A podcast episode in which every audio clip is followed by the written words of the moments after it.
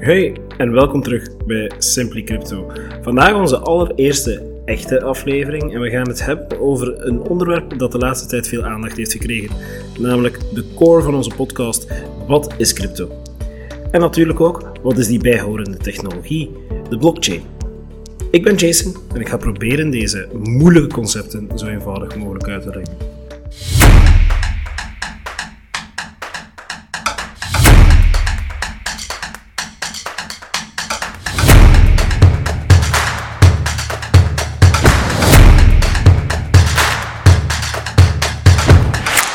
Nu, de eerste vraag die mensen mij stellen is: ja, crypto, wat is dat nu? En eigenlijk simpel gesteld kan je zeggen dat crypto een digitale vorm van geld is. Uh, denk maar aan het geld dat jij gebruikt om dingen te kopen, maar dan online. En stel je nu eens voor dat je een munt hebt die je alleen maar op een digitale manier kunt gaan gebruiken. Dus niet in je hand. Je kan het niet vasthouden, je kan het niet in je portemonnee bewaren, maar je kunt eigenlijk wel dat geld gaan gebruiken om allerlei dingen te kopen.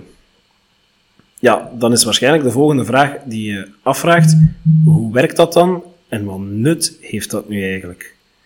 Wel, het werkt via een heel technologisch geavanceerd systeem uh, van netwerken en dat noemen wij de blockchain.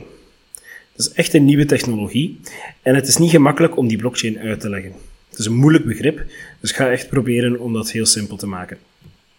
Nu stel je voor, je speelt met je vrienden een gezelschapsspel en dat gezelschapsspel dat omvat dat je muntjes krijgt of dat je muntjes moet gaan uitgeven. Bijvoorbeeld een soort van monopolie. Maar telkens als jij een munt uitgeeft of als je een munt ontvangt, ga je dat tegelijkertijd, allemaal die transacties die je doet, ook opschrijven op een groot vel papier dat in het midden van de tafel ligt. Eigenlijk een soort van boekhouding die je gaat bijhouden. Nu, die boekhouding, dat noemen we hè, een groot boek waarin dat alles van die transacties genoteerd staat. Het is dat dat eigenlijk zo speciaal geworden is. Eigenlijk moet je dat woordje blockchain of dat systeem zien als een groot boekhoudkundig systeem waarbij dat inkomsten en uitgaven genoteerd staan. De blockchain is, is volledig digitaal. Wat eigenlijk maakt dat in vergelijking met dat vel papier het online wordt opgeslagen. Maar het is natuurlijk nog veel geavanceerder. Het loopt allemaal automatisch. Dus in de plaats dat jullie het grootboek automatisch bijwerken, wordt in de blockchain, dus in dat systeem, automatisch alle transacties die jij maakt bijgehouden door een netwerk van computers over de hele wereld. Niet zomaar één centrale server of computer die jouw bank beheert. Nee, het wordt bijgehouden door een totaal netwerk van computers over de hele wereld, wat het eigenlijk ongelooflijk veilig maakt um, door het feit dat het door iedereen te raadplegen is en door het feit dat er niet een systeem is waarbij een bank bijvoorbeeld inform informatie kan gaan achterhouden. Het interessante gedeelte moet eigenlijk nog komen. Want Um, het wordt dus bijgehouden, zoals ik zei, door duizenden mensen. Maar de blockchain maakt het vooral interessant omdat transacties veilig en betrouwbaar lopen zonder een centrale autoriteit. Dus die bank, waarvan daar straks sprake, die valt er eigenlijk van tussen. In een gewone economie, dan, als je gaat werken, dan krijg je loon op je bankrekening gestort en dat geld is in principe van jou, je hebt er uiteindelijk voor gewerkt. Maar dat geld dat wordt beheerd door je bank. Eigenlijk kan je verstaan dat je je geld niet zelf in handen hebt. Het geld is van je bank. Is het dan eigenlijk wel uw geld? Dat is iets om bij stil te staan. Maar als morgen iedereen zijn geld tegelijkertijd van de bank wil halen, bijvoorbeeld bij een bankencrisis, dan gaat dat helemaal niet, dan gaat dat fout. Omdat de bank jouw geld dat je krijgt op je loon eigenlijk al tien keer belegd heeft. Een kritische vraag die je dus eigenlijk kan gaan stellen is, is jouw loon wel degelijk jouw loon? Want uw bank beheert het. Het is niet rechtstreeks in uw handen. Dat was ook uh, het uitgangspunt van de financiële crisis in 2008. En in 2009 is Bitcoin ontstaan, waarbij dat dus eigenlijk een nieuw systeem werd ontwikkeld om ervoor te zorgen dat het geld dat jouw eigendom is, steeds raadpleegbaar is, steeds in eigen hand zit. De blockchain is dus een systeem dat ervoor zorgt dat uw transacties even veilig kunnen gebeuren als bij de bank, maar dan zonder bank. Je hebt dus altijd je geld in eigen bezit. En als jij een transactie doet, dan wordt dat opgenomen in dat systeem. Het wordt altijd genoteerd. Als er dus ooit een probleem dreigt te zijn of iets juridisch, dan kan je altijd terug gaan controleren wat er gebeurd is met je geld. Want heel dat grootboek, dat blijft openbaar en online staan. En het mooie is, omdat iedereen dat zelf kan gaan controleren, dat je eigenlijk een uh, hoogtechnologische vorm van, goh ja, noem het sociale veiligheid krijgt. Ja, en nu dat we het over veiligheid hebben, um, sluit dat eigenlijk naadloos aan. Hè. Wat maakt dat nu zo heel, heel veilig? En ik ga nu een nieuw woord gebruiken, maar dat is eigenlijk uh, ook een, een, een woord dat tot de basis behoort van alles wat met crypto te maken heeft. En dat woord is decentralisatie. Centralisatie is dat het centraal beheerd wordt door iets. Decentralisatie is eigenlijk het proces waar dat ontdaan wordt. Dus in plaats dat um, één enkele instelling, we hebben het al over banken gehad, maar dat kan bijvoorbeeld ook een notaris zijn bij het betalen van notariskosten voor een huis. Um, je pakt eigenlijk die, die, die middenman weg bij uh, een transactie. Dus de controle ligt niet bij één persoon of bij, of bij een bepaalde instelling, maar het wordt effectief verdeeld over het hele netwerk van computers. Aangezien dat het netwerk of elk netwerk of elke computer met alle andere computers verbonden is, is het dus ook bijna onmogelijk om daar een kortsluiting in te krijgen. Als er één computer uitvalt, dan zorgt dat er niet voor dat het hele systeem plat ligt. Nee, dat wordt gewoon verbonden met alle andere computers die wel nog online zijn enzovoort. Je zou bij wijze van spreken de hele wereld zonder internet moeten zetten en dan nog om die blockchain uh, te gaan platleggen. Een andere manier is, ja, kan het dan niet gehackt worden, die blockchain? Kan er dan geen hack bestaan?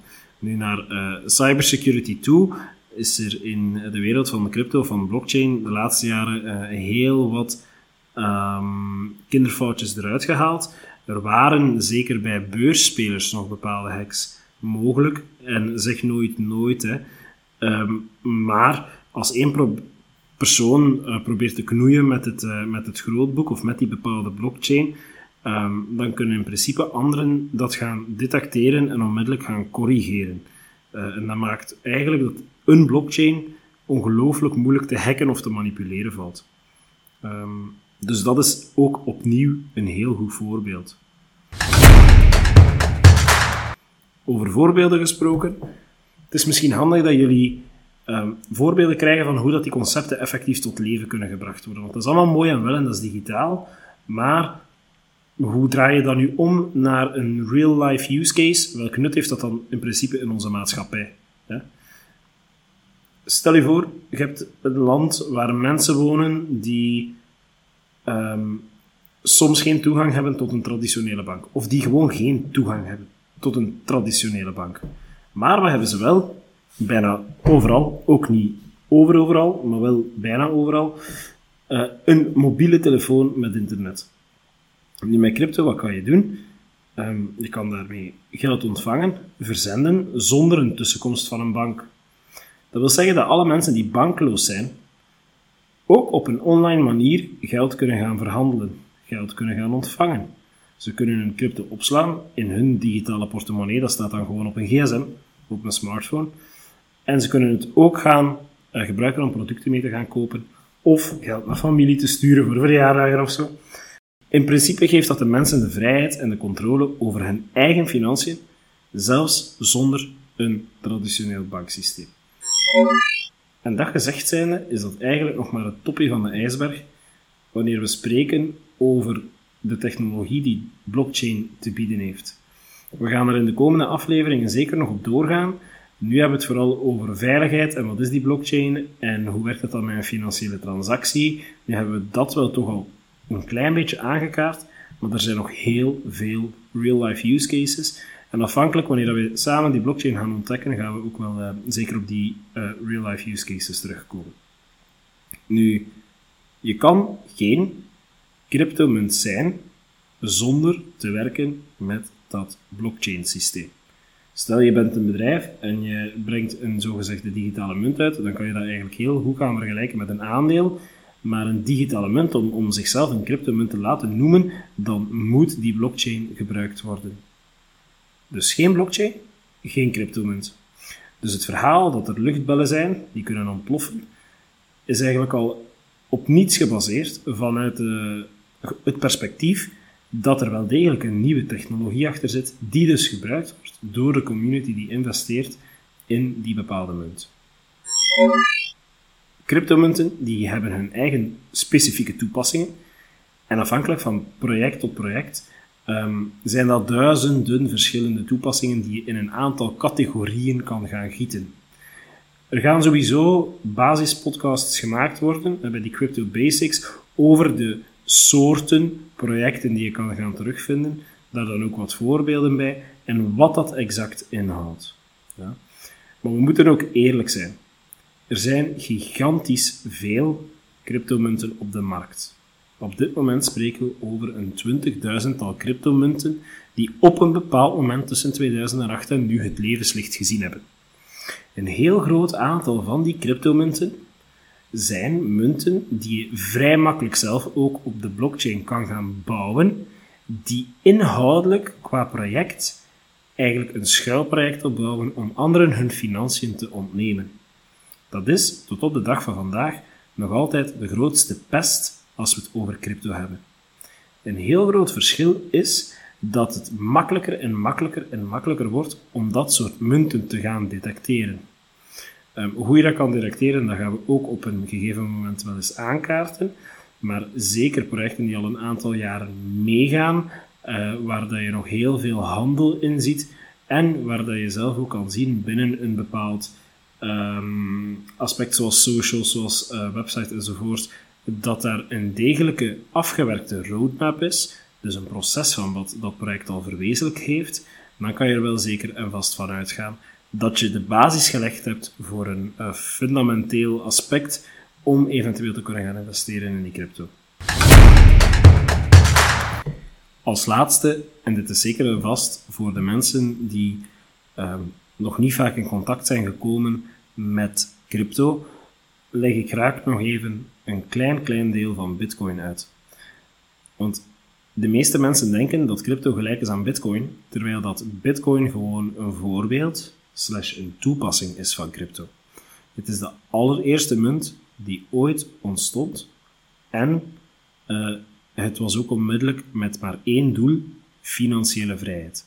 In die zin dat, zoals daar straks al aangehaald, dat mensen de kans hadden om hun eigen financiën in handen te nemen eh, en eigenlijk op die manier um, ja, eigendom uh, te krijgen over hun geld, hè, zeker na de bankencrisis in 2008. Tot op de dag van vandaag, in het contract dat Bitcoin destijds uh, opgesteld heeft, weten we eigenlijk nog steeds niet wie dat gedaan heeft. De eerste transactie op Bitcoin in 2008 was getekend door Satoshi Nakamoto, maar we weten niet wie dat is. Is dat een man? Is dat een collectief, een groep? Uh, is dat een vrouw?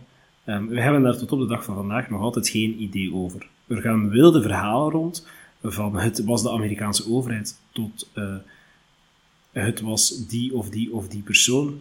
Zelfs Elon Musk werd betrokken uh, in het debat. Dat we eigenlijk nog altijd niet weten hoe het exact in elkaar zit. Nu, dat is niet zo belangrijk. Wel belangrijk is, is dat jullie beseffen dat Bitcoin één van die 20.000 voorbeelden is. Nu, het is wel duidelijk de sterkste, de meest gehandelde, de oudste cryptomunt en ook de meest marktdominante. Want, afhankelijk van jouw project, heb je natuurlijk ook een marktwaarde die gekoppeld wordt aan een cryptomunt. Binnenkort gaat er een aflevering zijn zuiver over die markttechnische zaken. Ja. Er staat ook een limiet op het aantal munten binnen een bepaald project, bijvoorbeeld Bitcoin. Daar gaan nooit meer dan 21 miljoen munten van gemaakt worden. Dat soort zaken en waarom dat een positieve of een negatieve impact heeft op de prijs, um, zal ik zeker en vast in een van de volgende afleveringen ook uitleggen. Maar voor nu, heel belangrijk om te onthouden, blockchain is een technologisch systeem. Een technologisch systeem dat je kan gaan vergelijken met een groot boek. Um, als je jezelf een cryptomunt wilt noemen als project, dan moet je aan de slag gaan met die blockchain. Anders kan dat helemaal niet. En de veiligheid van blockchain, ja, die is gewoon enorm hoog. Ook al heeft elk nieuw technologisch systeem zijn kinderfouten. Je kan er zeker van op aan dat um, hoe blockchain in de laatste jaren ontwikkeld is, dat er heel wat uh, minder hacks en um, dat er zeker een hele grote sociale veiligheid is uh, binnen het geheel. Los van de zaken die je heel af en toe op een negatieve manier in de media hoort, daar kikt media ook op natuurlijk, uh, de negatieve kant van iets gaan belichten. Maar, maar er zijn zeker grote stappen ondernomen om de veiligheid te garanderen en meer en meer wordt dat een waterdicht netwerk. Maar het is en het blijft een jonge een risicovolle markt als je zelf niet ervaren bent uh, binnen dat geheel. Dus vanuit dat perspectief blijf zeker en vast onze uh, podcast volgen. Uh, we hopen dat je beetje bij beetje een aantal zaken bijleert.